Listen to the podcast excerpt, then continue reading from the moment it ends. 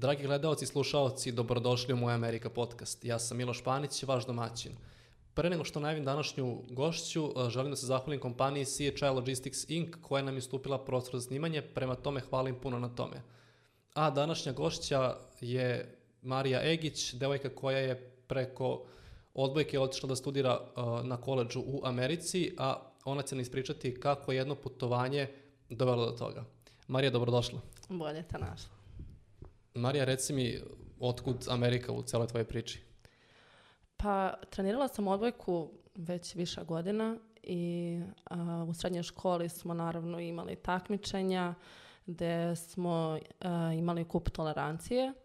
Nažalost, e, ja zbog obaveza, ni ne sjećam se tačno koje su bile, nisam mogla da idem, ali a, e, devojke su osvojile taj kup tolerancije, taj turnir i e, dobile su putovanje kroz Europu kao nagradu za to osvojeno prvo mesto. I igrom slučaja, zato što su uh, par devojaka imale maturu i morale, morale su da se spremaju za ispite, e, one su mi ustupile mjesto za to nagradno putovanje. I tamo sam upoznala jednog dečka koji se zove Goran Vidović i a, igrom slučaja smo se čuli posle tog putovanja i on mi je rekao da je otišao da studira na koleđu u Americi preko košarke. On je isto bio na, na tom turniru jer su osvojili njegov košarkaški tim školski je osvojio isto prvo mjesto. Tako da smo preko, preko toga došli na ideju da bi ja mogla isto da dođem da, da igram odbojku i tu je nekako sve i počelo. I što je sledilo posle toga? E, posle toga sam krenula da pripremam video e, za trenera u Americi. E, Goran bi mi pomogao da, da to dođe do njega i već je pričao par puta s njim o tome da, da želi da dovede drugaricu a, da studira i igra odbojku za, za njegov tim. Tako da e, je već bio upoznat e, donekle sa mnom i kada sam spremila taj video, iako je bio užasan i nisam bila zadovoljna, niti sam mislila da ću dobiti tu priliku da, da idem, da studiram tamo. E, poslala sam treneru i Goranu i oni su, oni su mi dali full stipendiju i bukvalno se jednu, jednu noć sve to izdešavalo u roku od 10-15 minuta i bilo je nerealno. A kako su to videi bili? To kakav je taj jedan video bio koji si slala? Da, uh, trebao je da bude od 4 do 6 minuta. E, tačno se sećamo je bio 2 i nešto minuta.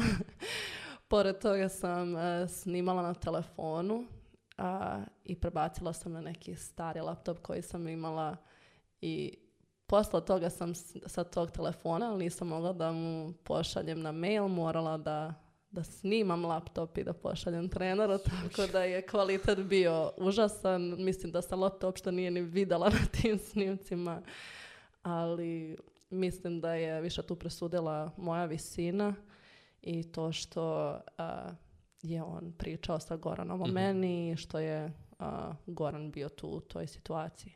Mhm. Kako si reagovala na, tu poruku kad ste javili da si ono, dobila stipendiju?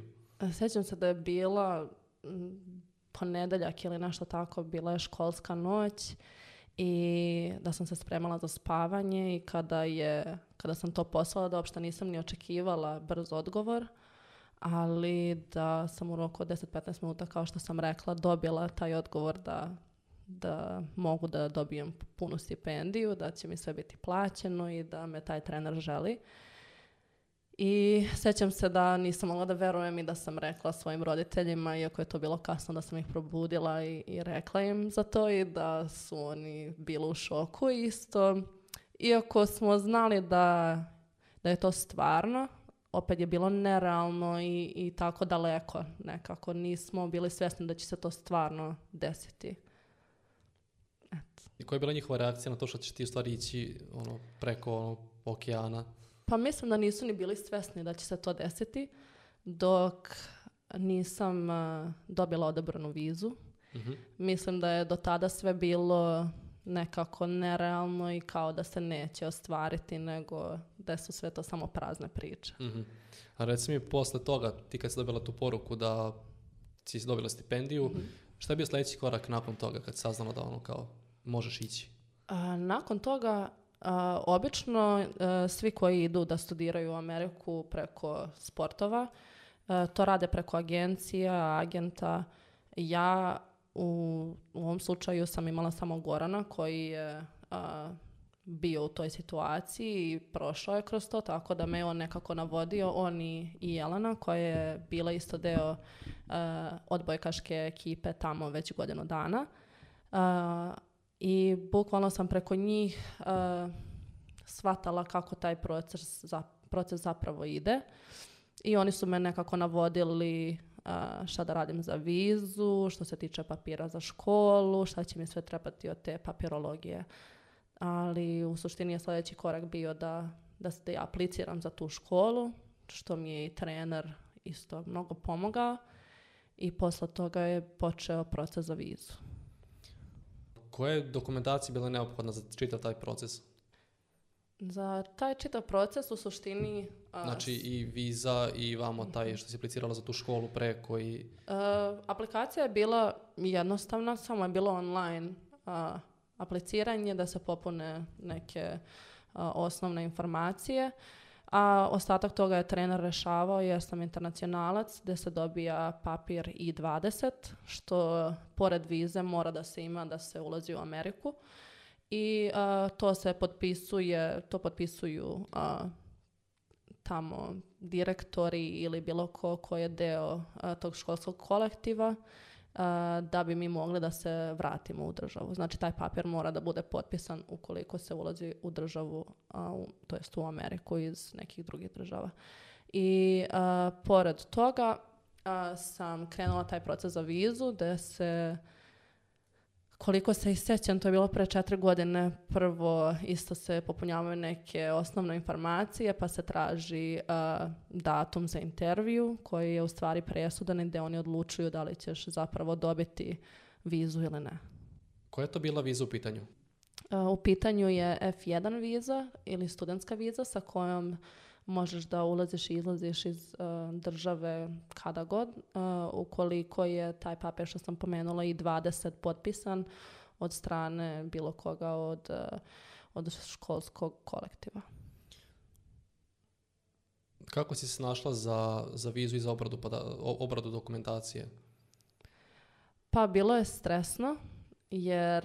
To si radila bez agencije? Bez znači, agencije. Znači, sve sam sama na svoju ruku radila, tako da bukvalno kada god sam popunjavala nešto na, e, na stranici za vize, bilo je, bilo je baš stresno da li će to raditi kako treba, da li je to sljedeći korak ili ne, zato što stvarno na sajtu to nije objašnjeno e, toliko dobro.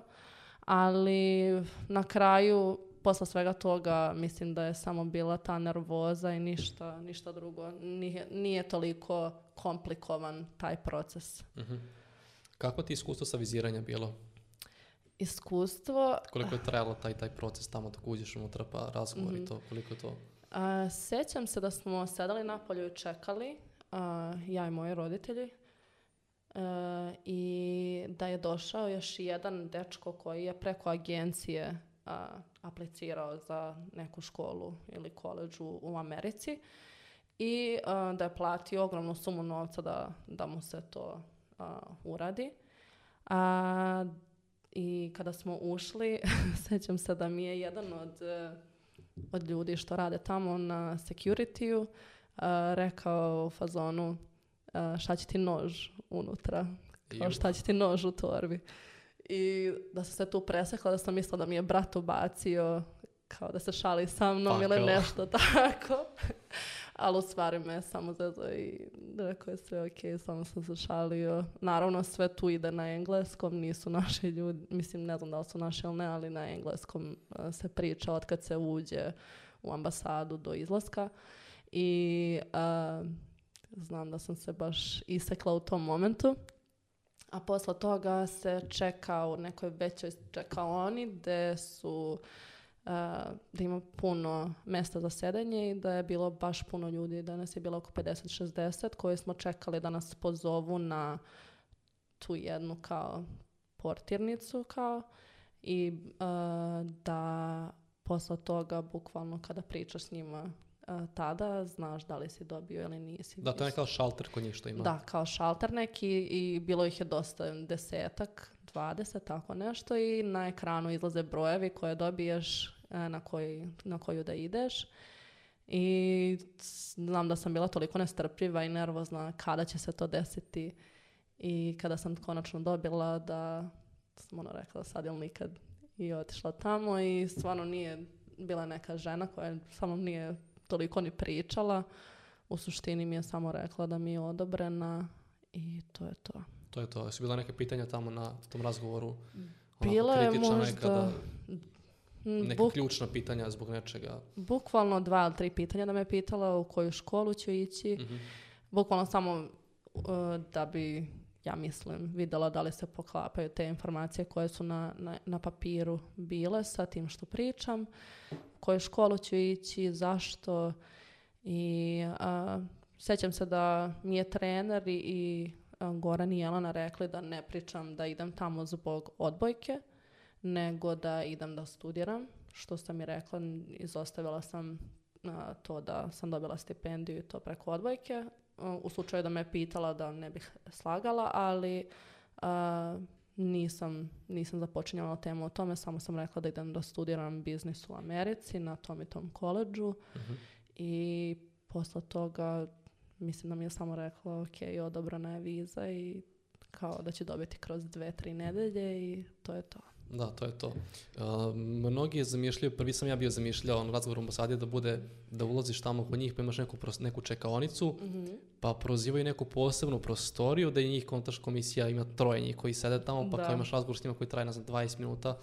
Na kraju to bukvalno bude ono kao da si u nekoj banci ili pošti, imaš one kao televizor sa tim nekim brojima, imaš neki svoj broj mhm. papirić, pa te posle prozovu i to.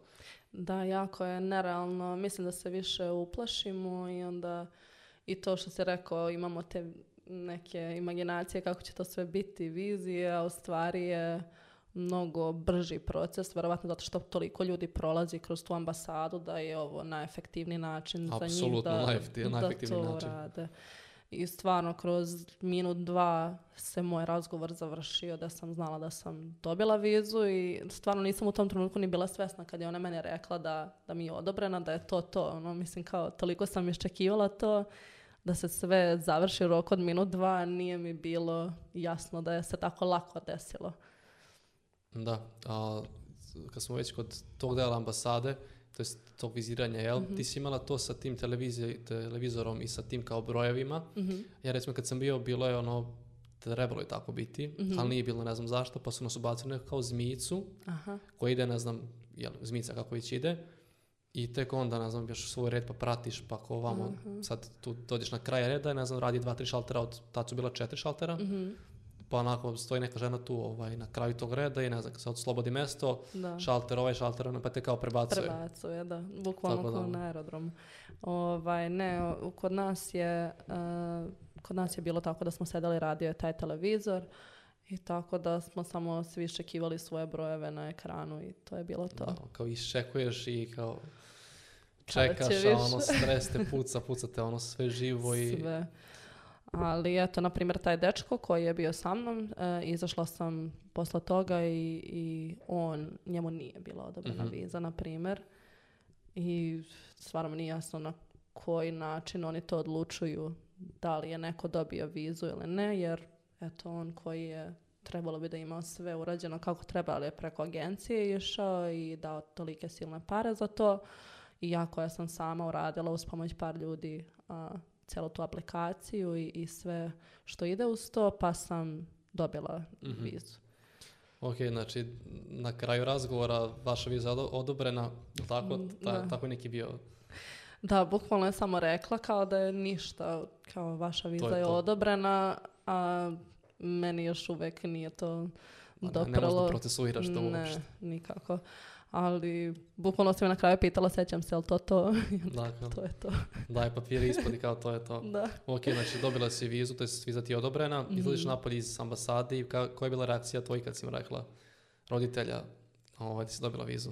Pa mislim da ih je tada nekako realnost ta stigla, da se to stvarno sve dešava, jer u suštini meni se sve izdešavalo jako brzo, kroz mjesec, mjesec i po dana, bukvalno nisam znala da li ću dobiti vizu na vreme, E, da dođem e, za predsezonu, za te treninge. E, ali mislim da su tada shvatili da se sve to zapravo dešava i da ja stvarno idem u Ameriku. Reci koliko je taj, trajao čitav proces od momenta ono, slanja tog klipa do, do leta za, za Ameriku? Proces je bio kratak. Bukvalno mislim da se sve Počelo i završilo se u roku od dva mjeseca. Dva mjeseca, samo toliko? Samo toliko. I mislim da je to čak i više nego što je bilo. Ne sjećam se tačno, ali baš je bio krat, kratak proces i znam da sam, da sam bila u žurbi da se sve to reši, da bih mogla da stignem e, za predsezonu, da budem prisutna na tim treninzima. I e, to, tu noć kada mi je odobrio, bukvalno sljedeći dan sam gledala da, da apliciram, da sve da počnem taj proces i viza mi je došla dva, tri dana pre. Apliciraš za šta? Uh, da, aplikacija za školu. Ovaj, mhm. to, to sam ovaj, radila odmah sljedeći dan jer to nije Mm, mislim bukvalno je samo formalnost da te imaju u sistemu, tako da je to bio ono najlakši korak u mhm. suštini jer ostatak toga rešava trener sa, sa njima, samo je važno da me imaju u sistemu zavedeno da, da ću studirati, a sve to ostalo rešavaš kada dođeš tamo na licu mesta kao koje často ćeš uzimati smerove i mhm. ostalo, sve to možeš da menjaš kada dođeš tamo. Kako si se osjećala kad, si konačno, kad, te, kad konačno stigla istina da ćeš ono ići u Ameriku, e, u Ameriku kad su se bukvalno slegli svi utisci i ambasade i vize i razgovora i pripreme i već ono kad si znala da ćeš ići zaista kao to je to ono kao sedem u mhm. i letim preko okeana. Pa nisam, ja sam bila uzbuđena jer sam znala da, da želim da studiram negdje u inostranstvu i Mesecima eh, mjesecima sam tražila tu neku opciju najbolju što želim da radim sa životom, da da idem, eh, jer nisam sebe vidjela eh, da studiram u, Srbiji, da, da budem student ovdje. Ali kada se sve to izdešavalo, nekako sam jedva čekala samo da sednem u taj avion i da vidim kako će to zapravo biti, da li će mi se svidjeti, da li je to pravi korak što, što čini mi da li ću ja biti srećna ili ne, ili ću biti tužna što ostavljam taj život neki iza sebe i, i kako će sve to da prođe bukvalno. Koliko ti je trajao taj proces uh, spremanja za, za odlazak? Već kad je i došla i viza i to sve i... mm pa kao što sam rekla, sve se izvršavalo jako brzo. Nisam baš imala vremena da razmišljam o, puno stvari. E, pored toga smo imali e, maturu za školu i, i svašta nešto u međuvremenu. A, Koji je to mjesec bio otprilike? Ja sam, sjećam se, karta me bijela 27. jula 2018. Znači to je taj ceo e, proces aplikacije, viziranje i svega se izdršavao kad smo mi završavali školu. I e, kada su, su mi odobrili vizu, u suštini je bilo samo prepremanje, pakovanje, kako, šta, koliko kofera, koliko stvari, kojih stvari poneti, jer nisam znala kada ću imati mogućnost da se vratim. I e, viza mi je došla negde sredinom jula i onda sam bukvalno bukovala let nedelju dana ili tako nešto od e, dolaska vize kada sam je dobila stvarno u ruke i pasoš i, i sve to. Kako ti je bilo prvi put? Otvaraš pasoš, ono stoji viza. Koja je prva reakcija bila? Ono kao... pa, ne znam, nerealno je sve bilo, jel, iako mi je viza odobrana, pogledaš što je jedan papirić sa, sa mojom slikom da piše da imam vizu i neverovatno je da te, to taj jedan papir deli od ulaska u Ameriku ili, ili ne. Da, ovaj, šta ti je bilo neophodno da spakuješ, šta su ti savjetovali drugi ljudi da spakuješ pre odlaska, da poneseš tamo, da imaš mhm. za start, za... Pa pošto sam ja išla u Ajovu, je relativno je vreme eh, kao kod nas, eh, bila su topla leta i hladne zime. Uh, bukvalno sam išla tom logikom da pakujem jedan kofer za zimsko to vreme, a jedan za letnje jer i mnogo tih stvari e, dobijamo tamo na licu mesta, pogotovo što e, kada si sportista jako puno vremena provodiš u hali, na treninzima i većinom danas si u, u njihovoj opremi. Tako da su me savjetovali samo da, da pakujem te neke dodatne stvari kao trenerke, jakne, manje više nešto lepo jer Amerikanci se stvarno ne spremaju toliko više je casual varijanta. Hvala. Recimo taj prvi put u avionu, kako je izgledao taj, to iskustvo? To je ajde ah. prvo uh, ispraćaj na aerodromu. i to. Uh, pošto moji roditelji i ja stvarno na sve kasnimo, e, imamo tu lošu naviku. E, znam da sam navela par alarma i pripretila im da ne smemo da kasnimo ovaj put. I da smo naravno kasnili. I da je mama tu morala da e, pomera ljude iz reda da bi ja stigla na taj avion i da sam toliko bila ljuta da nisam htjela ni da se okrenem, da se pozdravim s njima jer... Jer sam im toliko govorila da ne smijem da kasnim jer sam bila sigurna da ću propustiti taj let zato što smo kasnili. Hvala Bogu stigla sam. I onda sam ih nazvala i oprostila se s njima još kad jednom. Stigla, kad stigla tamo?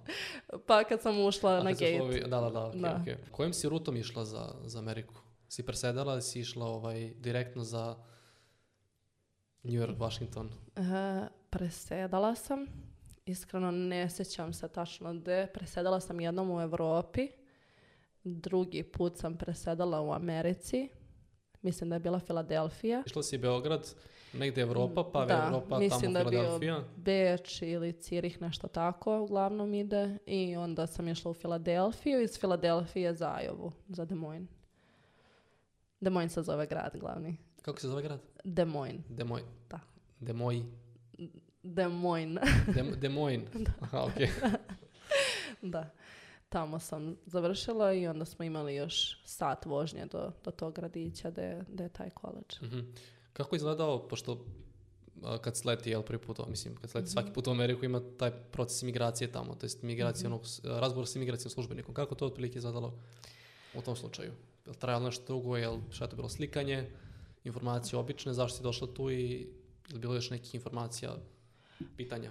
Pa ne, prvi put kad sam došla stvarno uh, nisam imala problema, izvadila sam te papire koje su mi rekli da, da treba da pripremim kao F1 student i e, jako brzo ide u suštini da ti e, slikaju te, daješ otiske prsta i ispitate par tih osnovnih informacija da vidi da li se sve poklapa sa, sa papirologijom i to je to u suštini vraćaju ti pasoš i, i papirologiju i slobodan To je to, prolaziš prvi put zvanično da. U, u, državu, ovaj, državu u Sjedinjene američke države. Jedna velika država. Ovaj, na aerodromu te čekao neko koji si išla sama autobusom, mhm. koji, si, koji prevoz imala do, do smeštaja, gde si išla? Uh, eh, Tarener i Jelana, ta, eh, mislim sala drugarica, tada eh, smo se samo poznavale preko poruka poziva, su me čekali na aerodromu u Demojnu i tamo nisam ni znala da li će me čekati ili ne, stvarno sam bila uplašena, ali nismo, uh, eh, aerodrome na kojima sam bila nisu imali uh, Wi-Fi ili je bilo sat vremena pa ističe, tako da eh, i pored toga sam kasnila na presedanja, tako da mi je bilo kritično da stignem na vreme, nisam ni imala vremena da puno da, da ja sada gledam u telefon, gledam kako da se konektujem, tako da sam nadala se da će me neko čekati tamo nadala u Demojnu. Poslala sam im bila oboma uh, leti kada sleće, tako da kontala sam da će neko biti tamo što i jesu. Jesu, na kraju su ipak bili tu, da. Da, bili su tu, pokupili su me i kao što sam rekla, jedno sat vremena je Marshall Town on Des Moines i tamo smo otišli i znam da je bilo kasno, negde 11-12, bukvalno smo ono otišli da spavamo i, i sutradan tek nekako je došla ta realnost da sam u Americi. Ono kao sletela sam, tu sam. Da. da, ovaj, je si vidjela išta noću kad si išla ovaj, tim prevozom do, do tog, si rekla Town? Da. Tu si baš zvanično bila, tako? E, da, tamo sam bila dve godine, to je kao community college, što je u suštini samo dvogodišnja škola mhm, mhm. i posle toga se prebacuje na college, e, ali nisam Ajova je u suštini kao Vojvodina.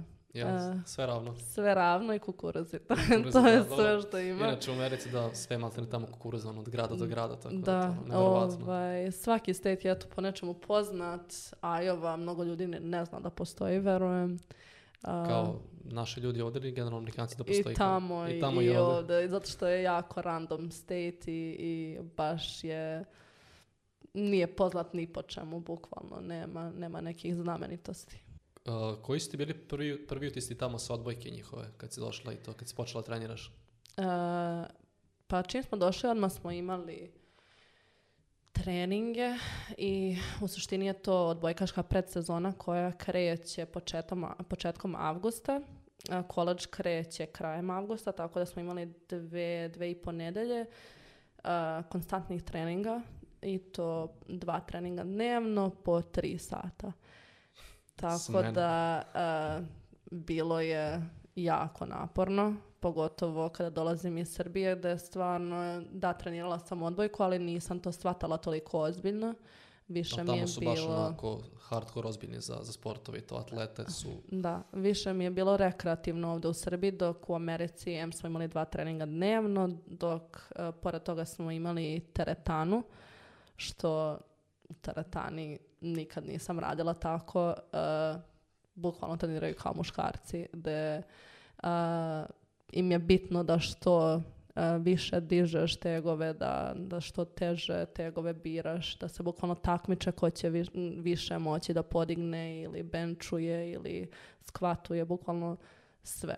Znači, Malta nas ima 7-8 ono sati dnevno, uh, baš ono preveliku fizičku aktivnost, dva puta ono, odbojku i tri puta nedavno smo imali teretanu. Aha, znači svaki dan bila teretana. ali pored toga posla teretane odmah ide trening, tako da dva e, treninga dnevno je bilo uh, poprilično konstantno te dve, dve i ponedelje. A, Ti baš bilo svaki dan imaš te treninge? Svaki dan. Bukvalno smo molili za, za slobodan dan i mada tako ide u većini sportova, nije odvojka ništa drugačija nego sada i profesionalno se baviš rukometom ili košarkom ili nešto slično, tako da u suštini dve, dve i ponedelje smo bili pod hardcore treninzima i raspadali se. to je bila neka predsezona, kažeš, li tako? Da, predsezona. Šta znači predsezona? Šta je to? Pa, bukvalno predsezone. Sezona nam kreće e, kada je škola, na primjer, Od Odbojkaška kreće negde uh, 27. tako avgusta, znači krajem avgusta, dok na primjer tada kreće i futbalska sezona, a dok na primjer košarkaška kreće septembar, oktobar, kasnije malo, znači njihova predsezona je bukvalno kada dođu kada kreću časovi, znači oni nemaju potrebu da dolaze pre početka časova. Mhm. dok odbojkaš, odbojkašice, odbojkaši, futbaleri, ti sportovi dolaze a, krajem jula u, na da kažem, čak i u ozbiljnim koleđima dolaze i ranije od toga. Ne samo odbojkašice, nego svi dolaze na te neke letnje treninge pa idu kući jedno vreme pa se opet vraćaju. Tako da bukvalno zavisi od koleđa do koleđa, ali predsezona je bukvalno tih dve, dve i po uglavnom pred početka sezone za, za određeni sport. Uh reci mi, tvoj prvi dan na, na tom koleđu, kako to izgledalo otprilike? Dolaziš tamo, uh mhm. -huh. šta te snašlo, to isto kao u filmu, recimo, njihovi neki koleđi, to škole, kako izgleda to? Pa, mislim da, da nisam dobila to puno iskustvo dok nisu svi došli, jer smo bili samo e, bila samo dvojkašice i futbaleri na koleđu, tada kada sam ja došla, tako da nas je bilo ukupno 30-ak u tom momentu dok e, se nismo vratili, išli smo, sjećam se, rođendan je 21. avgusta, krenuli smo 20. na Floridu jer smo trener je organizovao a, turnire neke i imali smo utakmice po Floridi, North Carolina, South Carolina i a, iz Ajove smo putovali, sećam se, dva dana do Floride. Dva dana, mogli ste avionom ono, mnogo brže razmišljao je kao da, da idemo avionom, ali nije škola imala dovoljno para za to jer je i ovako bio skup put. Ali uh, sjećam se kad smo se vratili da je tada tek bio, bilo to puno iskustvo koleđa jer je otišli smo, bio je prazan, vratili smo se, bio je pun sa ljudima i, i svi koji su i radili su došli, inače je baš bila prazna škola u tom trenutku kada sam ja došla. uh znači ti svoj rođena bila, rođena bila proslavila na Floridi, ili tako?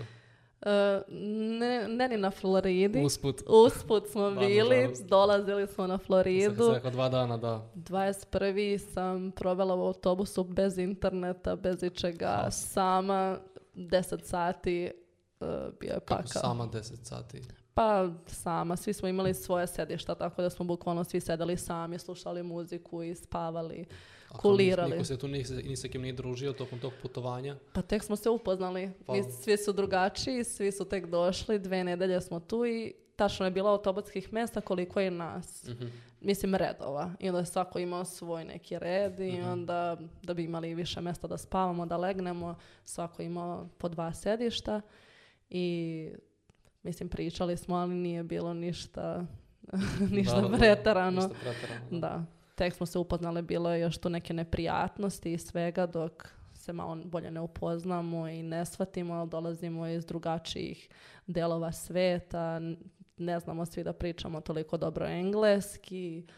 Da, kakav je tvoj engleski bio kad si otišla prvi put tamo? Pa bio je u suštini ok, nisam se plašila što se toga tiče. imala sam položeno za FC, tako da znala sam da ću se snaći makar, iako nije sada perfektan bio, niti sam ikada pričala sada sa Amerikancem ili nekim ko priča da, da, da. engleski, ali uh, snašla sam se ok. Uh, posle godinu, dve se pohvataju ti njihovi neki slengovi pa onda bude lakše da se razumeju, pogotovo na primjer crnci koji imaju više tih slengova. Da, da. mislim ne samo oni crnci, možda da i sa country, ne znam kako da kažem. Oni rednici. Cowboy. Da, da, rednici, Oni cowboy. imaju svoje neke ovaj, Oni slengove. Oni baš na kraju. Ono da, tako da dok ne shvatiš te neke te neke slengove, onda možeš da pohvataš bilo koga, koga da priča. Mm -hmm. Znači, uspjela si da se sporazumeš u startu, pa tek posle pohvataš akcent i to da, da, da, da, da. klasika kod svih. Pa da. Reci mi, koja je razlika tamo između fakulteta, koleđa, univerziteta, više škole, kako, kako ide njihov sistem tamo? Mm pa ja sam gledala na koleđ kao višu školu, Uh, jer Amerikanci to bukvalno koriste kao način da prođu jeftinije jer je koleđ mnogo jeftiniji nego univerzitet. Univerzitet je četvorogodišnja škola e, na kojoj može na, i master da se ide, znači može odmah da se nastavi, dok je koleđ dvogodišnja škola i mnogo jeftiniji i gledaju da završe te teže časove dok su na koleđu jer su manji obim studenata, možeš da razgovaraš sa profesorom direktno dok na univerzitetima postoje i ostali profesori, znači ne bude samo jedan glavni, nego budu i pomoćnici i onda većina toga ide preko njih, pa mhm. nije toliko efektivno. Ne da, jasno. Reci ovaj, taj njihov američki školski sistem, koja je mhm. razlika mm-hmm. u odnosu na naš, kako izgleda to tamo kod njih, te škole i to časovi? Pa mnogo je drugačije. sistem po meni je kao naše srednje škole, ali kao miks srednje i osnovne u suštini. E, miks srednje i osnovne. E, nešto se tiče, e, više što se tiče toga, svaki čas imamo domaći, imamo da uradimo neku prezentaciju, da napišemo esej, da napišemo mišljenje, znači konstantno moraš da radiš na, na nečemu što se tiče tih časova i što malo je drugačije jer, e, na primjer, imaš ponedjeljkom, sredom i petkom neki čas i bukvalno sada biraš. Možeš da imaš e, sa jednim profesorom tri puta nedeljno po sat ili dva puta nedeljno s drugim sati po čas ili tako. Mislim, zavisnosti kako ti profesori odlučuju da, da vode taj, taj predmet. Ali ti sam biraš na osnovu svog smera i podsmera ili minora tamo ovaj, se kaže koji će ti koji ćeš časove uzimati da bi završio sa studijama što pre. Mhm. A kako si uspjela da, da kombinuješ ovaj, tako naporan rad na, na koleđu, znači svaki dan imaš neki domaći da radiš nešto mhm. i da kombinuješ to sa odbojkom, kako si uspela da... Pa, bilo je teško. Držiš neku ravnotežu, Ovaj, da, bil... da postižeš sve to živo.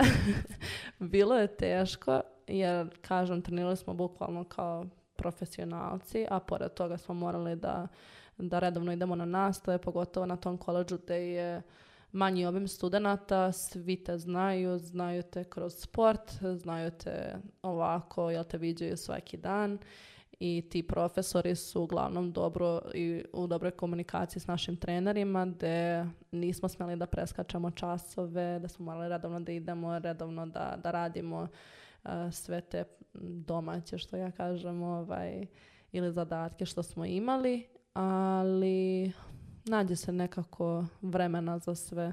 Imali smo također study hall, što je bio bilo organizovano kao vreme za učenje od trenera uh, sa sa ostalim odbojkašicama da bi išli jednom ili dva put nedeljno u biblioteku da radimo domaće ili šta god smo imali vezano za školu.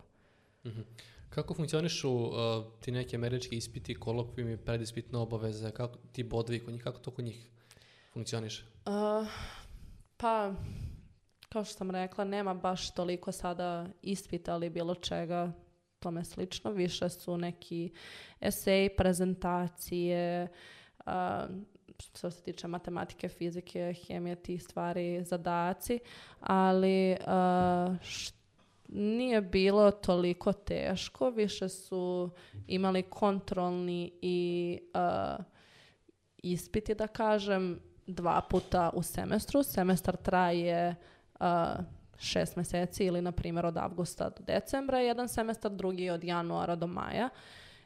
Tako da manje od šest mjeseci, ali ovaj, tako polugodišnje. I ima, e, ima dva, postoje dva e, kao presaka, neka ispita, zavisnosti od profesora opet šta odluče. Polovinom semestra, negdje znači oktobar, Uh, i krajem semestra to je bukvalno kao posljednji ispit ili kontrolni, zavisno se opet šta profesor odluči i kakav je predmet, gdje oni gledaju kako nam je trenutno znanje što se tiče tog predmeta i tako odlučuju koju ćemo ocenu dobiti. Mm-hmm. O, ovaj, bio ste si malo prebila rekla za neki minor, također pored minora mhm. postoji major. mm Šta su oni, kako oni ovaj, funkcionišu? koji je bio tvoj major i minor? Pa moj major je bio business and, pa moj major je bio uh, business and administration, znači bukvalno kao Business i administracija, a minor mi je bio entrepreneurship ili preduzetništvo, ali minor je Major je bukvalno kada odabiraš čime želiš da se baviš, znači to sada može E, da bude management e, ili ne znam medicina, pravo, u zavisnosti od toga. Minor je neka specifikacija u okviru tog majora čime želiš da se baviš baš ili u čemu želiš da imaš još tu neku, e, to, to, neko dodatno A znanje. specijalizacija neka otprilike? Pa otprilike, da. De, pored toga, bukvalno kada izabiraš minor, moraš da imaš, moraš da biraš predmete koji koji su za taj minor. Znači za mhm. moje preduzetništvo ja sam morala da imam određene predmete, mislim bukvalno kao preduzetništvo predmet ili inter, international entrepreneurship ili tako neke predmete koje bukvalno meni pomažu da ja kao bolje proučim taj minor. Kako si birala te predmete da bi, da bi završila što pre? U suštini uh, njihov školski sistem je drugačiji nego naš. E, časovi se gledaju kao krediti i e, to ide na osnovu e, broja sati provedenih nedeljno na tom času, tako da ako imaš tri časa nedeljno po sat vremena, gleda se kao tri kredita. U semestru, kao što sam rekla, semestre traju avgust do od avgusta do decembra i od januara do maja.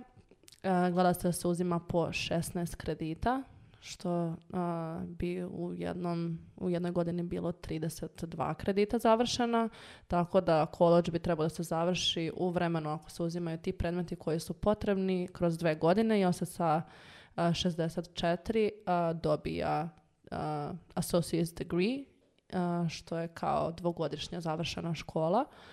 I samo je važno da se biraju ti predmeti koji vam advajzori E, kažu da bi e, mogli da završite sa tim majorom i minorom. Koji su tvoji kulturološki šokovi? Najveći koji si doživjela tamo kad si ovaj, došla tu, provela neko vreme tu, kad si već mhm. uvidjela da mnogi stvari funkcionišu dosta, dru, dosta drugačije nego kod nas? Pa prva stvar koja se sjećam da mi je, e, da mi je bilo šok je da svi oko mene pričaju engleski bilo je teško da se navikneš na nešto tako kada si navikao da živiš u Srbiji, da si pričaju maternim jezikom.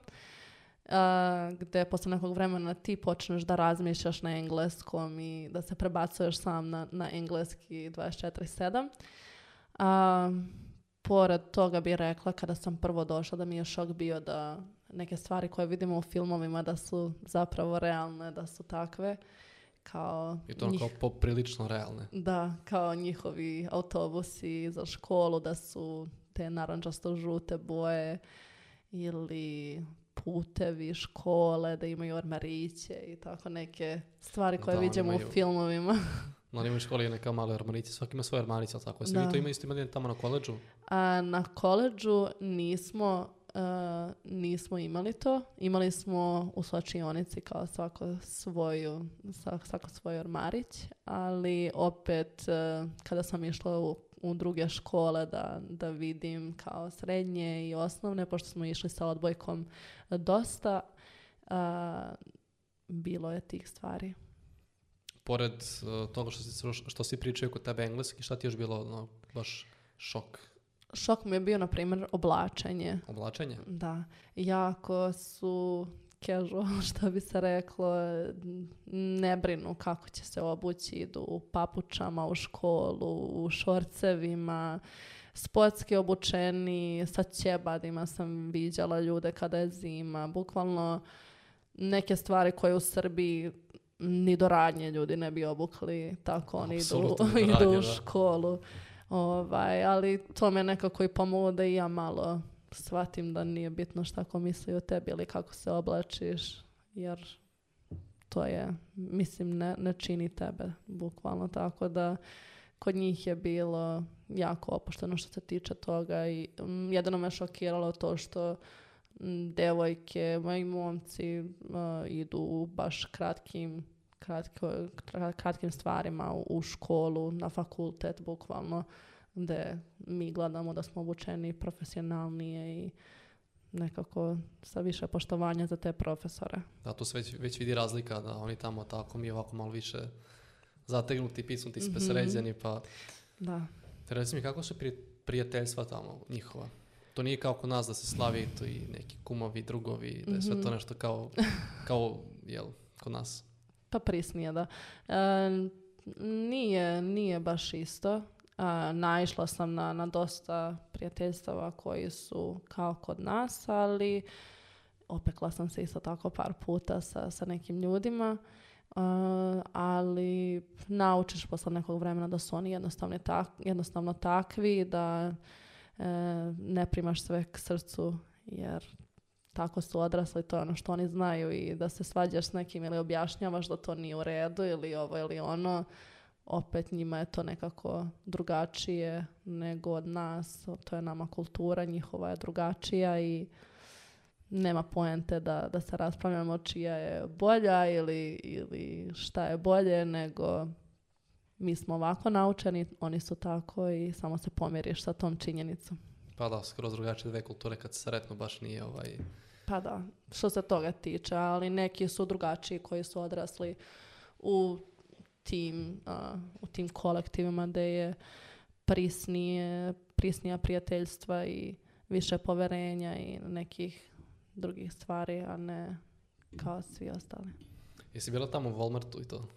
Da, Walmart je, pošto sam bila u Ajovi, da bukvalno nema ništa, Walmart nam je bio a, glavna atrakcija jer je bio otvoren 24-7 i bukvalno kada god nam je bilo dosadno išli smo u Walmart jer nismo imali šta drugo da radimo bukvalno.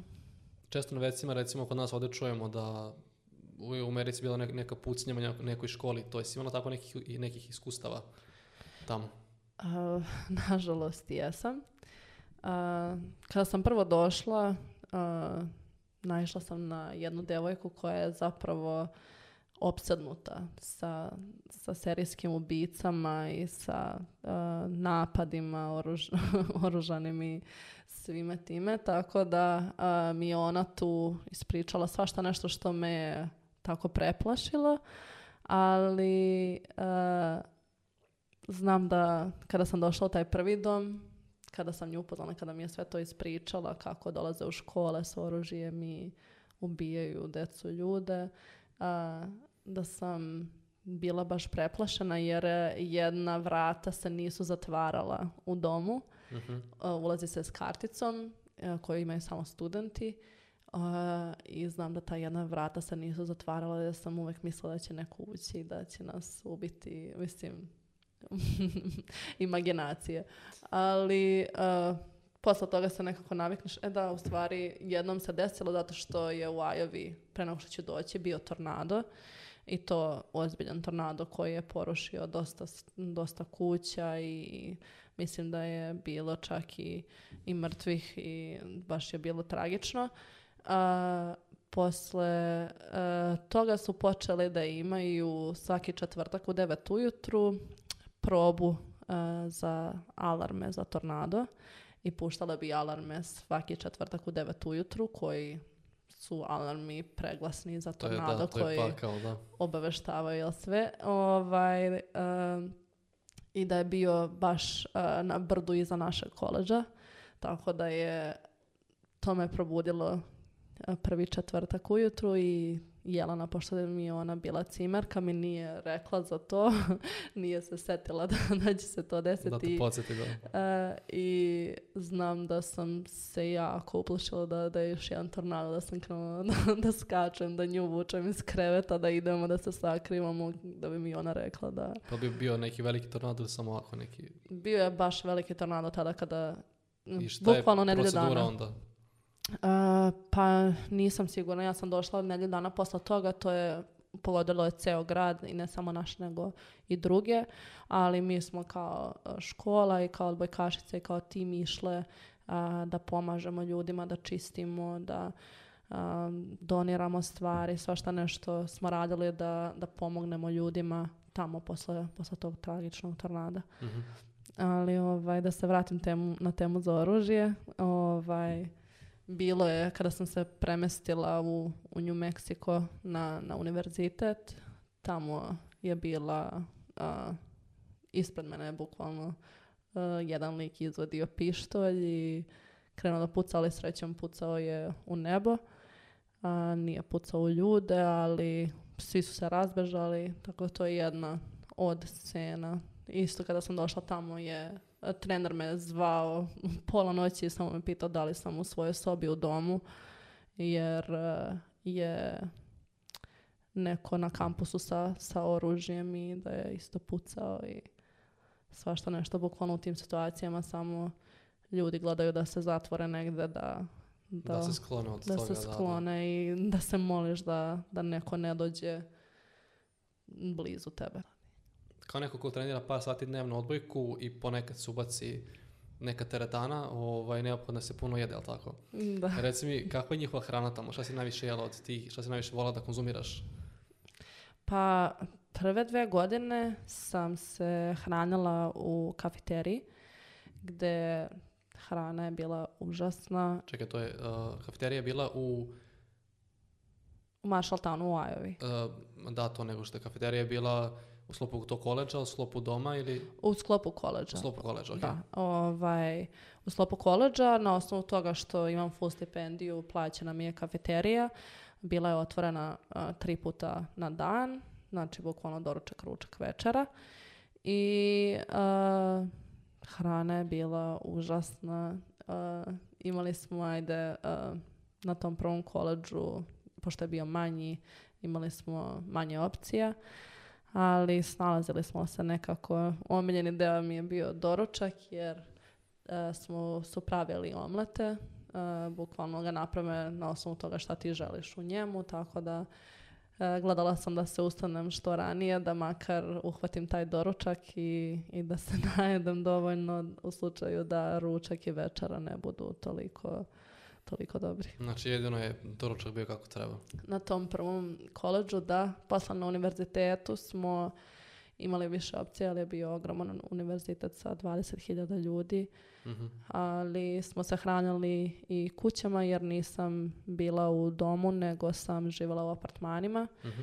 I četvrte godine kada sam prebacila na taj treći univerzitet, e, isto smo imali kafeterije koje su isto bile e, sasvim solidne.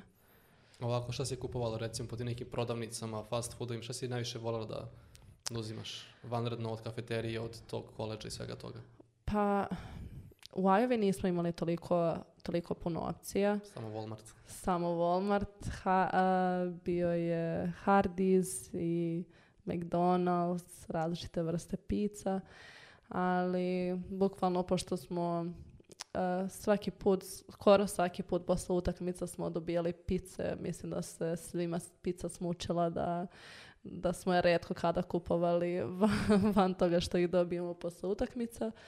Ali, uh, pa pored toga, uh, voljela sam da, da probavam drugačije te neke chainove koje, imaju i koje su, pogotovo za taj state u kome sam kao poznati i uh, ne znam, sladolede ili tako te neke dodatne stvari koje volimo i mi ovdje da kupujemo i uživamo pored te neke svakodnevne ishrane.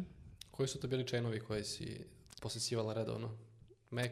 Redovno, pa McDonald's, da, to je, to je onako najpristupačnije. Tamo kod njih, obzirom da je to baš njihova, da kažem, njihov restoran američki. Jer ima neke razlike s našim ovdje kvalitet hrane, ali nešto bolje, drugačije, loši, plastični, ne znam. Znaš da se ne sjećam posljednji put kada sam ovdje pojela mek, zato što mi se smučio iz Amerike, ali e, sigurna sam da ima pogotovo meso, verovatno drugačiji ukus. E, ne znam, imaju tako Bell isto, imaju e, Popeyes. Kako je tako Bell? Taco Bell je najgori od svih, ja najgori mislim. Od svih. To je toliko odvratna hrana, ali Mislim, kad si pijan ili kada je kasno uveče i kada je to, to jedino otvoreno, to, to sve prolazi. Tako da, bilo je svašta stvarno, u zavisnosti na kom sam fakultetu bila, imali smo te neke, ta neka određena mjesta na kojima smo išli i češće posjećivali. Gde si sve putovala u Americi? E, pa prve dve godine sam bila na tom koleđu u Marshalltownu, što je jedan gradić u Ajovi a Iowa State pored Illinoisa. Bila sam udaljena pet i po sati od Chicago, tako da sam Chicago puno posjećivala isto. Bukvalno skoro svaki break koji smo imali sam bila u Chicago tokom te dve godine, pored toga, prve godine smo išli, uh, išli na putovanje za South Carolina, North Carolina, Floridu i sljedeće godine isto, tako da sam proputovala baš dosta tokom i te dve godine, a posle toga sam otišla u New Mexico. tamo sam se prebacila na univerzitet. Studirala sam tamo samo kratko godinu dana. I tamo smo isto putovali dosta, Arizona, Chicago, letali smo na, na dosta mjesta jer su imali više para i bio je veći univerzitet i E, bila je D1 škola, tako da e, bilo je mnogo više mogućnosti. A potom sam otišla u Delaware, što isto mnogo Amerikanaca i ljudi ne znaju za taj state. Bukvalno je blizu Yorka. A, tamo sam isto dosta proputovala taj neki uh, northeast deo Amerike, kao Pensilvanija, New York, ne znam, išli smo stvarno svakda u Massachusetts, Maine. Deci se onako najviše dopada ovaj, od tih stetova? To prvo, mm. koliko stetova si otprilike obišla tokom tih godina putovanja? Uh, mm, dosta, sigurno dvadesetak i više. Ali nismo se toliko zadržavali. Sve to kao obišla, ali mm, više je bilo u prolazu ili smo tamo jeli ili bili na jednom dva mjesta, tako da ili smo išli na utakmice sa odbojkom, tako da nije bilo sada toliko vremena da se istražuje i stvarno provodi vrijeme u tim stejtovima. Ali omiljeni mi je definitivno bio New Mexico ili Florida. A, ta dva stejta su nekako meni se istakla jer dobro i ja, ja volim lepše vreme i to me nekako i vuklo ka Samo sunce. Ka, ka tim stateovima da ovaj, pogotovo što smo bili na bazenima svaki dan eh, i mislim po meni smo raspoloženi i sve ok, bolje kada je makar na polju lepo vreme, a ne kada se pro, probodiš u Ajavi sa pet metara snega. Apsolutno, da. Ti si bila ovaj, u Čikagu samo s odbojkom i si išla ovako da putuješ? E, išla sam ovako, išla sam ovako, posjećivala sam ovaj, pa skoro svaki break, kao što sam mhm. rekla, ja sam i tamo imala poznanike i tamo sam ovaj, baš i obilazila i vidjela dosta.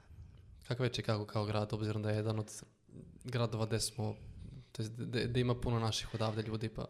Bukvalno je pun sa našim ljudima, ali... Ja sam čuo ovako na, na ulici pričaju srpski i to da, neki drugi, da. Da, dosta. Ovaj, tačno se vidi ko je naš, bukvalno. po, vidi ko Po ponašanju, po e, dranju, smejanju, bukvalno vidi se kilometrima koje je naš, nije, ali meni se Chicago kao Chicago nije svideo, jer kao što sam rekla, ja volim lepše vreme i ok, on je dobar leti, ali zimi je pakao kada sam većinom i provodila tamo vreme, tako da e, iako ima dosta, dosta lepih stvari, toga e, nije neki grad u kome bih ja izabrala da živim u Americi. Znači, od Čikaga ništa, jel? Pa ne, da. Malo pa si rekla da si posle je da studiraš u New Mexico. Gde mhm. si bila tamo? To bi isto neki univerzitet, koleđ, fakultet, šta je to bilo tamo? to je bio univerzitet, znači četvrogodišnja škola. posle koleđa bukvalno ide traženje i potraga za univerzitetom koji će isto da mi da full stipendiju što je bio ovaj da 1 jedan univerzitet u New Mexico, New Mexico State University i uh, tamo sam isto dobila full stipendiju, uh, bila deo odbojkaškog tima i isto išla u školu. Tebe je tamo zahvatila korona, tako, u tom periodu? Ta pandemija mm, počela već i ti si bila u New Mexico. Kako izgledala pandemija u New Mexico? Kako izgledala odbojka tad? mm pa zapravo nas je uhvatila još dok sam bila u, u Town u Ajovi.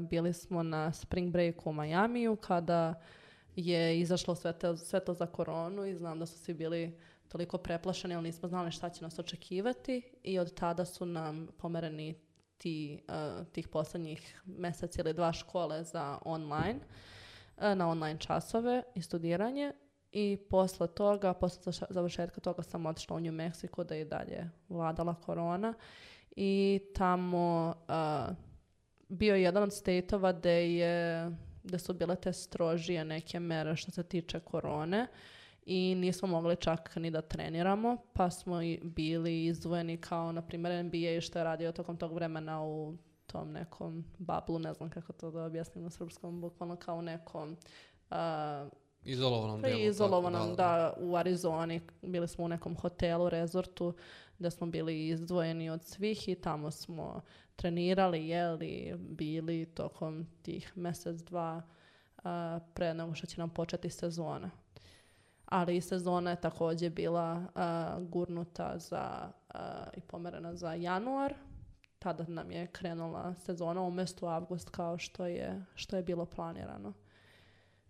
Tako da bilo je tu nekih promjena na koje smo morali da se naviknemo. Školovanje je također bilo online tokom cijele te godine i nismo imali. To je e, bilo je par časova koje su u drugom semestru bili hibridni što se tiče toga gdje su samo kontrolni ti neki ispiti ili prezentacije morali da se obave uživo, a sve ostalo je bilo online. A recimo za treći univerzitet to je bio Delaware, tako? To si malo isto rekla u razgovoru mhm. da... Da, e, treći univerzitet posle e, New Mexico e, nije mi se svidao trener i tamo sam povredila leđa, imala sam operaciju leđa i odlučila sam da probam treći univerzitet, što sam se premestila u Delaware State University. Koji je to bio grad tamo gdje si bila?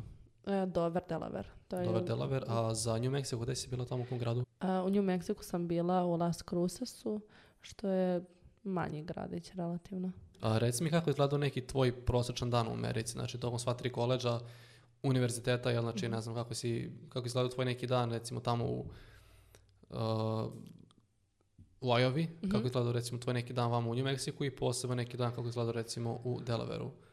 U suštini su svi bili poprilično slični.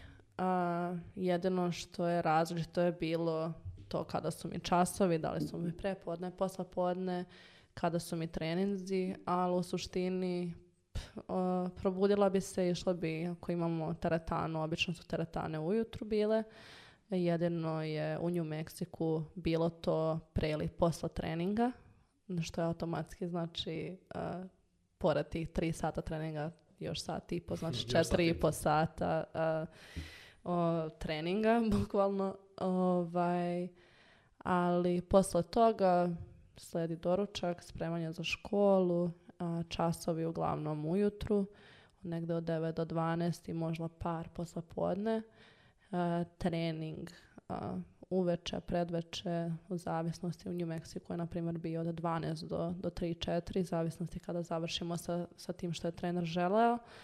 A, u a, Ajovi su bili uveče od 6 do, do 9 i tako nešto je slično bilo i u, i u Delaveru negde od, od 3 do 5 ili tako nešto kao kasnije posle podne. Ali ručak, pre toga trening ili zavisnosti kada je trening pa ručak ili večera i onda smo obično radili domaći, znači spremali se za sljedeći dan, družili se ako imamo nešto u planu, gledali filmove i, i išli na, na spavanje da bi mogli ujutro da se probudimo. Svaki dan da se ponovi u krug. Da. Kako si izgledali tvoji odnosi sa Srbijom tokom tvog uh, studiranja na koleđima tamo? Uh, pa gledala sam da dolazim makar jednom ili dva put godišnje, kako mi je vreme to dozvoljavalo. Uh, obično tokom zimskog i letnjeg raspusta. ali u suštini, to za četiri godine sam došla možda pet puta ili šest puta nazad za Srbiju. uključujući, ja mislim, i ovaj posljednji kada sam se vratila na, na duže vreme ali uh, slabo, bukvalno svakih pet, šest mjeseci tako sam dolazila ili godinu dana. na primjer kada je korona bila nisam dolazila godinu i po dana jer je trener bio zabrinut da li ću imati tu mogućnost da uđem u, u Ameriku ako odem kući. Mhm. Iako smo imali organizovan eh, dobrotvorni let od Srbije iz Čikaga da smo bili prijavljeni i mogli smo da besplatno odemo kući kada je krenula ta korona. Trener mi bukvalno nije dozvolio i morala sam da ostanem, čak sam i ranije išla na univerzitet da bi krenula sa tim treninzima i, i bilo u ta formi dok dođu pravi treninzi i sezona i sve. Koliko se otprilike ostajala vremena na tim dolascima? To leto, zima? Uh, Pa obično neki prosek je bio mjesec dana. Uh mhm. Hvala. Pa da. To je skroz, skroz ok, da. da. A kako si ovaj ponašala dokon tih mjesec dana? Jesi imala neki problema da prihvatiš da će biti u narednih mjesec dana da kultura nista kao što je tamo? Mm -hmm. To svičovanje kultura samo me zanima. Da li je to bilo onako pakleno da ti prihvatiš da ne znam, nemaš ovo što si imala tamo, da ti nedostaje ovo? Jesi jedva čekala se vratiš nazad? Mm Pa e, mislim da e, na početku taj prvi dolazak je bio nekako najteži jer e, te prve godine nisam dolazila godinu dana i kada sam napokon došla bilo je dosta emotivno i, teško, ali s druge strane pošto sam provela već toliko vremena u Americi, svaki sljedeći put kada bih dolazila, e, kao što mi nedostaje kuća, tako mi nedostajala Amerika i taj neki život na koji sam navikla, jer svakodnevni život tamo mi je postao drugačiji, već je prešlo u naviku i onda kada sam a, provela već dve, tri nedelje ovdje u Srbiji, krenulo bi da me guši i da sam navikla da treniram i da imam školu i obaveze i nekako bi jedva čekala da, da se vratim u, u Ameriku i da nastavim sa tim životom i sa tim navikama. Da, većini prosto bude tako kada se vrate iz nekog razloga, to jest kad se vrate se bilo kog programa da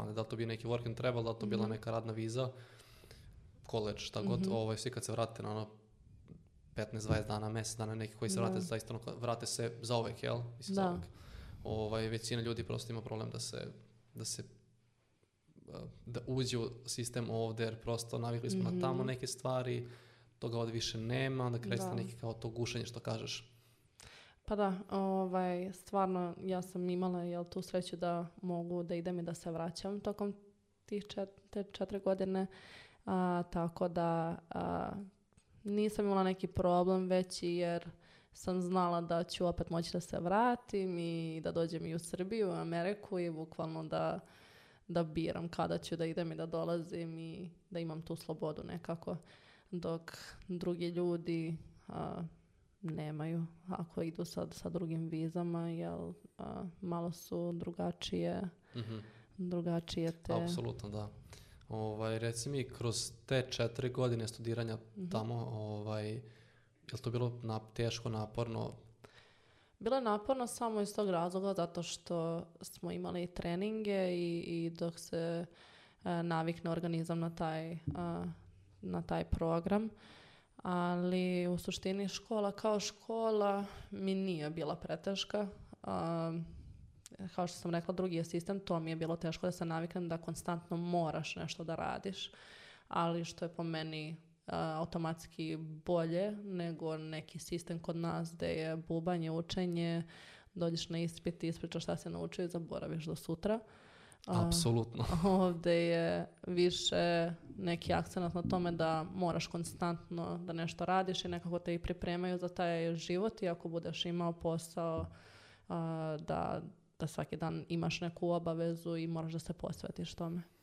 Ok, a, sad bi te pitaš jednu stvar pre nego što završim priču sa koleđima i studiranjem tamo i mm -hmm. novu temu ovaj, dolaska u Srbiju. Mm tokom te četiri godine tamo ti si imala stipendiju to je značilo šta da imaš plaćenu školarinu da. i si imala još nešto vezano za to da imaš nešto neki džeparac možda i to ili je samo bila školarina? Mhm, pa e, u tu full stipendiju ulaze školarina što znači svi časovi, knjige, sve vezano za, za školu plus e, dodatno dobija se oprema za odbojku, patike, majice, sve e, sve na, trening, na treninzima i na utakmicama što nosimo uh, je kupljeno naša veličine i, i moramo baš to njihovo da nosimo, ali to na kraju godine pripada nama.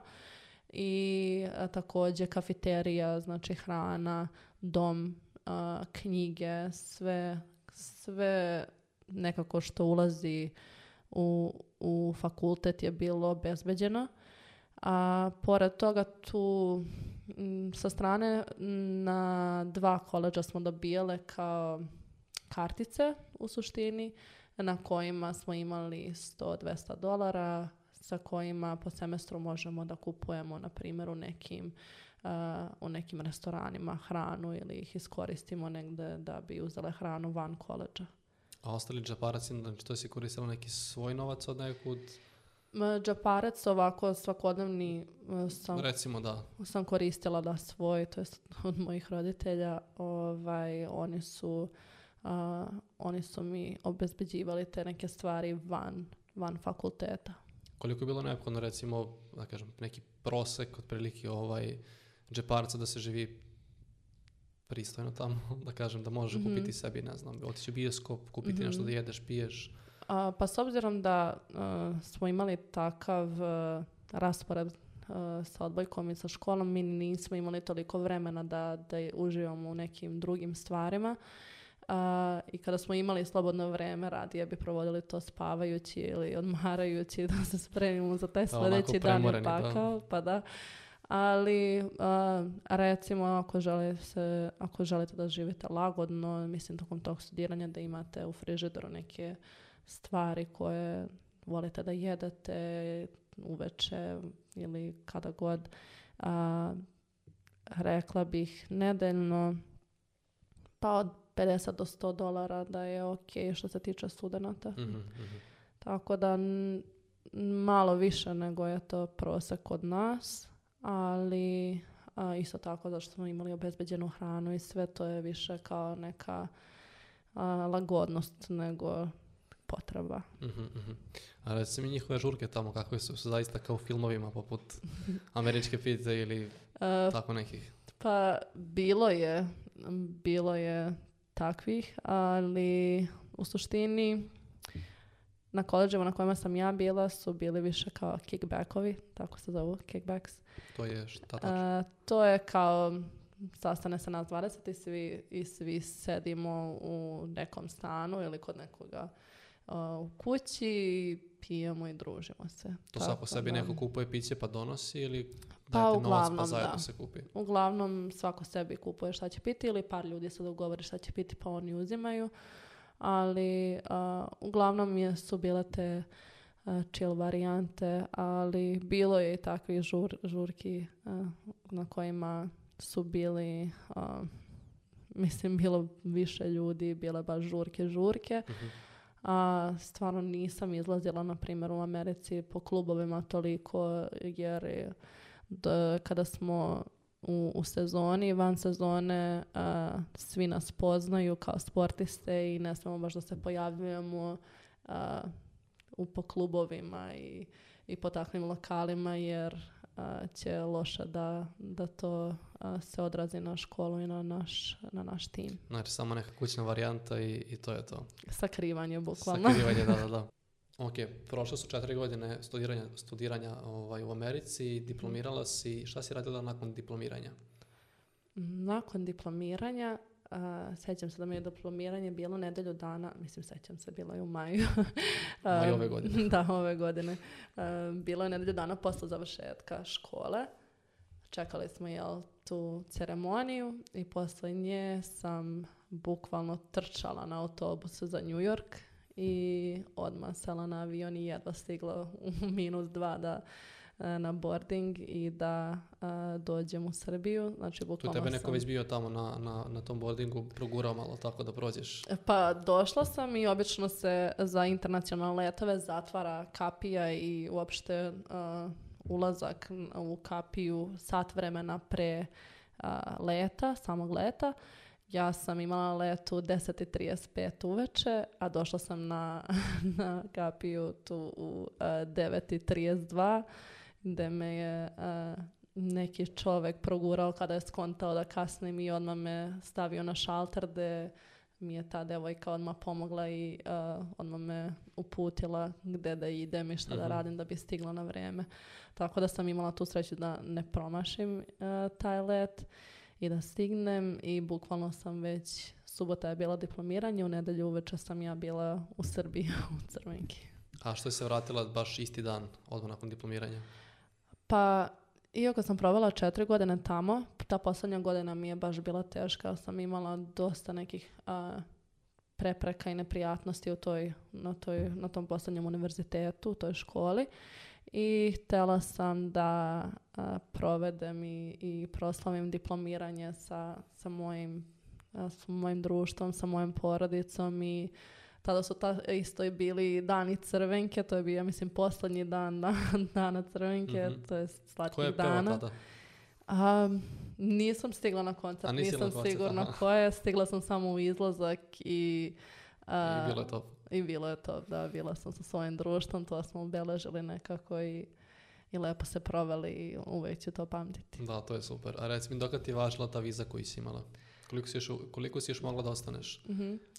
Pa u suštini e, mogla sam da ostanem e, e, drugačije je viza. Viza je meni trajala na primjer do oktobra 20 nekog oktobra u pasošu, ali što se tiče i 20 viza, legalan si da budeš, mislim da je dva mjeseca ili 60 dana posle završetka škole, da još provedeš u Americi. posla toga si Mm, bilo bi ilegalno da ostaješ bez, bez tog papira ili bez e, aplikacije za neku drugu školu mhm. ili dobijanje nekog drugog i 20 papira, znači da si da ideš negdje drugdje da, da se školuješ. A jesi nakon, nakon toga mogla da, da apliciraš za neku drugu školu? Posle tog mhm. koleđa, svega toga? E, da, mogla sam i mogu i dalje u suštini mogu kada god hoću, na primjer na master da, da, da, apliciram ili bilo šta tome slično, ili da završim neki drugi major ili šta god u suštini, ali mislim da ne bih to imala više, ne bih imala više tu mogućnost da meni bude sve plaćeno preko odbojke, zato što postoje godine uh, ne znam kako da kažem, bukvalno eligibility, eligibility što je Uh, koliko godina možeš bukvalno da budeš sportista i da, da studiraš. Da, neka, neka gornja granica, ali tako da, sa godinama ne možeš. godine je E, studiranje, što pored toga dobili smo mi ekstra godinu za koronu, eto možda bih to mogla da iskoristim, jer su e, mnogi sportisti imali lošu godinu ali su im se otkazali, e, otkazale sezone i nisu igrali, tako da smo svi dobili tu još jednu ekstra, još jednu ekstra godinu. Eto, mogla bih možda to da iskoristim, ali svakako mogu da apliciram za, za bilo koju školu, master, šta god i da produžim tu vizu. Šta ti je bolje, Amerika ili Srbija? Za život, za studiranje, za pa, sve? u suštini, a, naravno da, da Srbiju ne bih menjala ni za šta i, i ovdje je život definitivno bolji što se tiče nekih prijateljstava, porodice, svega. mnogo smo prisniji, mnogo je to nekako po meni iskrenije. A, ali što se tiče studiranja, mislim da nisam pogrešila što sam studirala tamo i mislim da mi je nekako pomoglo dosta da i ja sazrem i da proširim vidike i, i shvatanje neka svoja i stvarno mislim da sam napravila pravi korak s tim što sam otišla da studiram tamo i da vidim kako je to i šta. Koliko ti je izgradilo to četvorogodišnje iskustvo života i studiranja i, i odbojke? sporta u Americi? Pa mislim da mi je pomoglo dosta. Uh, promenilo, ali po meni promene nisu loše. Uh, mislim da sam dosta sazrela tamo što se tiče života u suštini, gde sada nemam neki strah da započinjem neke nove stvari, da idem sama bilo gde, da se preselim negde, mislim da mi stvarno ništa od toga ne bi predstavljao problem. A, da sam mnogo snalažljivija. Znači, i... samostalnija, snalažljivija. Pa daj nekako ratobornija u smislu... Ratobornija. u smislu toga da tamo nemaš mamu i tatu da, da te podrže ili da, da se bore za tebe i da to moraš sam da radiš, inače će te ljudi gaziti tamo i neće, nećeš ih zanimati. A hoćeš li se ikada vraćati tamo?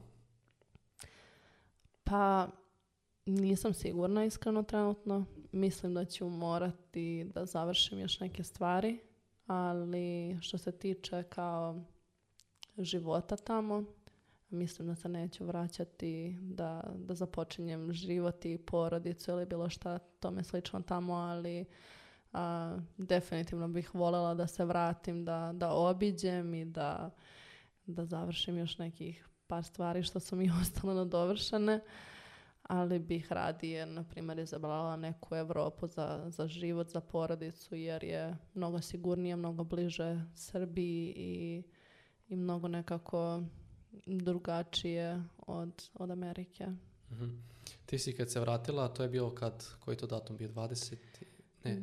27. 8. U stvari ne, Kad su slatki dani bili? 12. 13. maj, tako nešto. Ajde, kažem neka polovina maja otprilike. Polovina maja. Vratila se polovina maja u Crvenku i što je interesantno, ti si počela da radiš kao dispečar, kao tako? da. Ovaj, otkud i zašto dispeč? A, skroz se desilo neplanirano, a, da sam u razgovoru sa dedom došla na ideju da bih trebala da počnem da radim, da to pošto sam navikla da nekako živim samostalno, da nastavim, jel te, u, u tom smeru i uh, bukvalno sam posle par dana dolaska i išla da razgovaram sa, sa menadžerom, sa Markom u Crvenki gde ja, smo se dogovorili da sam krenula da radim bukvalno nedelju dana od, od dolaska iz Amerike kao dispečer. To je lepo. I kako ti se dopada ovaj, taj tip posla? Uh, pa dopada mi se. E, jeste dosta stresan i dosta nekako brz posao da jako puno stvari moraš da uradiš, moraš da budeš ažuran, moraš da budeš, budeš prisutan, ali isto tako market je trenutno, na primjer, loš, pa je možda malo teže nego što je inače bilo, ali snalazimo se. Koliko ti je to iskustvo od o, života iz Amerike pomoglo da, da radiš dispeč posao? Pa pomoglo mi je dosta u jednu ruku pre svega zato što sam upoznata s jezikom, sa slengovima, sa akcentima i mogu da se sporazumem sa, sa svim vozačima. A, prvenstveno ja bih rekla u tome i također da, pošto je sve na engleskom, a, to jest američkom, da naučim i te neke aplikacije koje koristimo, mnogo mi je lakše, ali mi je razumnije. Ali, pored toga, pa mislim samo zato što sam naučila da budem snalažljiva, da, da radim sa svim vrstama ljudi e, i da jednostavno nađem način da se prilagodim, da mi je to isto dosta pomoglo u ovom poslu. Za kraj bih te još pitao za neku tvoju poruku za spo, budući sportiste koji bi recimo htjeli da Eh, hteli, želeli mhm. da, isto odu na neki koleđ, univerzitet, fakultet, kako već, mhm. za Ameriku. Znači, kome mene otprilike mogu da se obrate, šta mogu da urade, na šta posebno dobro, da obrate pažnju, treba neki poseban, ne znam, eh, kako da kažem, neki prosek ocena da bude nam bolji, loši, neki sport mhm. poseban i to. Pa u suštini e, ništa od toga nije bitno, sem da oni žele da idu u Ameriku i da eto, imaju tu sreću da im se viza od, odobri. A, meni mislim da prosek ništa nije značio jer sam tamo radila test bukvalno kao opšteg znanja mhm. koji na osnovu kojeg sam dobila časove. Znam da dosta, dosta ljudi mora da radi SAT a kako tebi nije bio potreban SAT? A, iskreno nisam sigurna kako sam se izvukla iz toga, ali a, postala sam im rezultate FC-a i mislim da, da me to izvuklo i zato što je bila manja škola da, da nisam imala potrebu da, da radim SAT dok znam da su i Goran i Jelena se pripremili za, za taj test i, i morali da ga urade da bi a, mogli da apliciraju i dobiju tu školarinu i sve. Je li neophodno da sportista bude baš dugo u tom sportu ili da bude talentovan ili ima neke, da kažem, neki requirement za to? Pa u suštini mislim da sve zavisi od tog videa, jer e, ne mogu oni da znaju više nego što vide na tom videu. Tako da ako se to dobro uradi, a, velika verovatnoća da će se dobiti full stipendija. A, pored toga, na primjer, za, za puno sportova gledaju visinu, što moja visina mislim da mi je i pomogla da dobijem tu full stipendiju. Bila sam najviša u timu te dve godine što sam bila u Ajovi i posle toga jedna od viših. Tako da mislim da visina igra veliku ulogu što se tiče dobijanja stipendija, a oni svakako kada se dođe na univerzitet rade na na toj nekoj tehnici jer je mnogo drugačija nego evropska. Mislim, ne samo za odbojku, ali mislim da je to u svim sportovima prisutno ta neka drugačija tehnika nego što smo mi navikli. I tako da oni gledaju, ja mislim više da su te neke osnove ok, e, fizički, da, da je neko spreman, a sve ostalo oni vole da, da namesta da njima odgovara. Marija, hvala ti što si bila gošća Moja Amerika podcasta. Hvala tebi na pozivu. A mi se vidimo u nekoj narodnoj epizodi. To je to. Gotovo. Kat.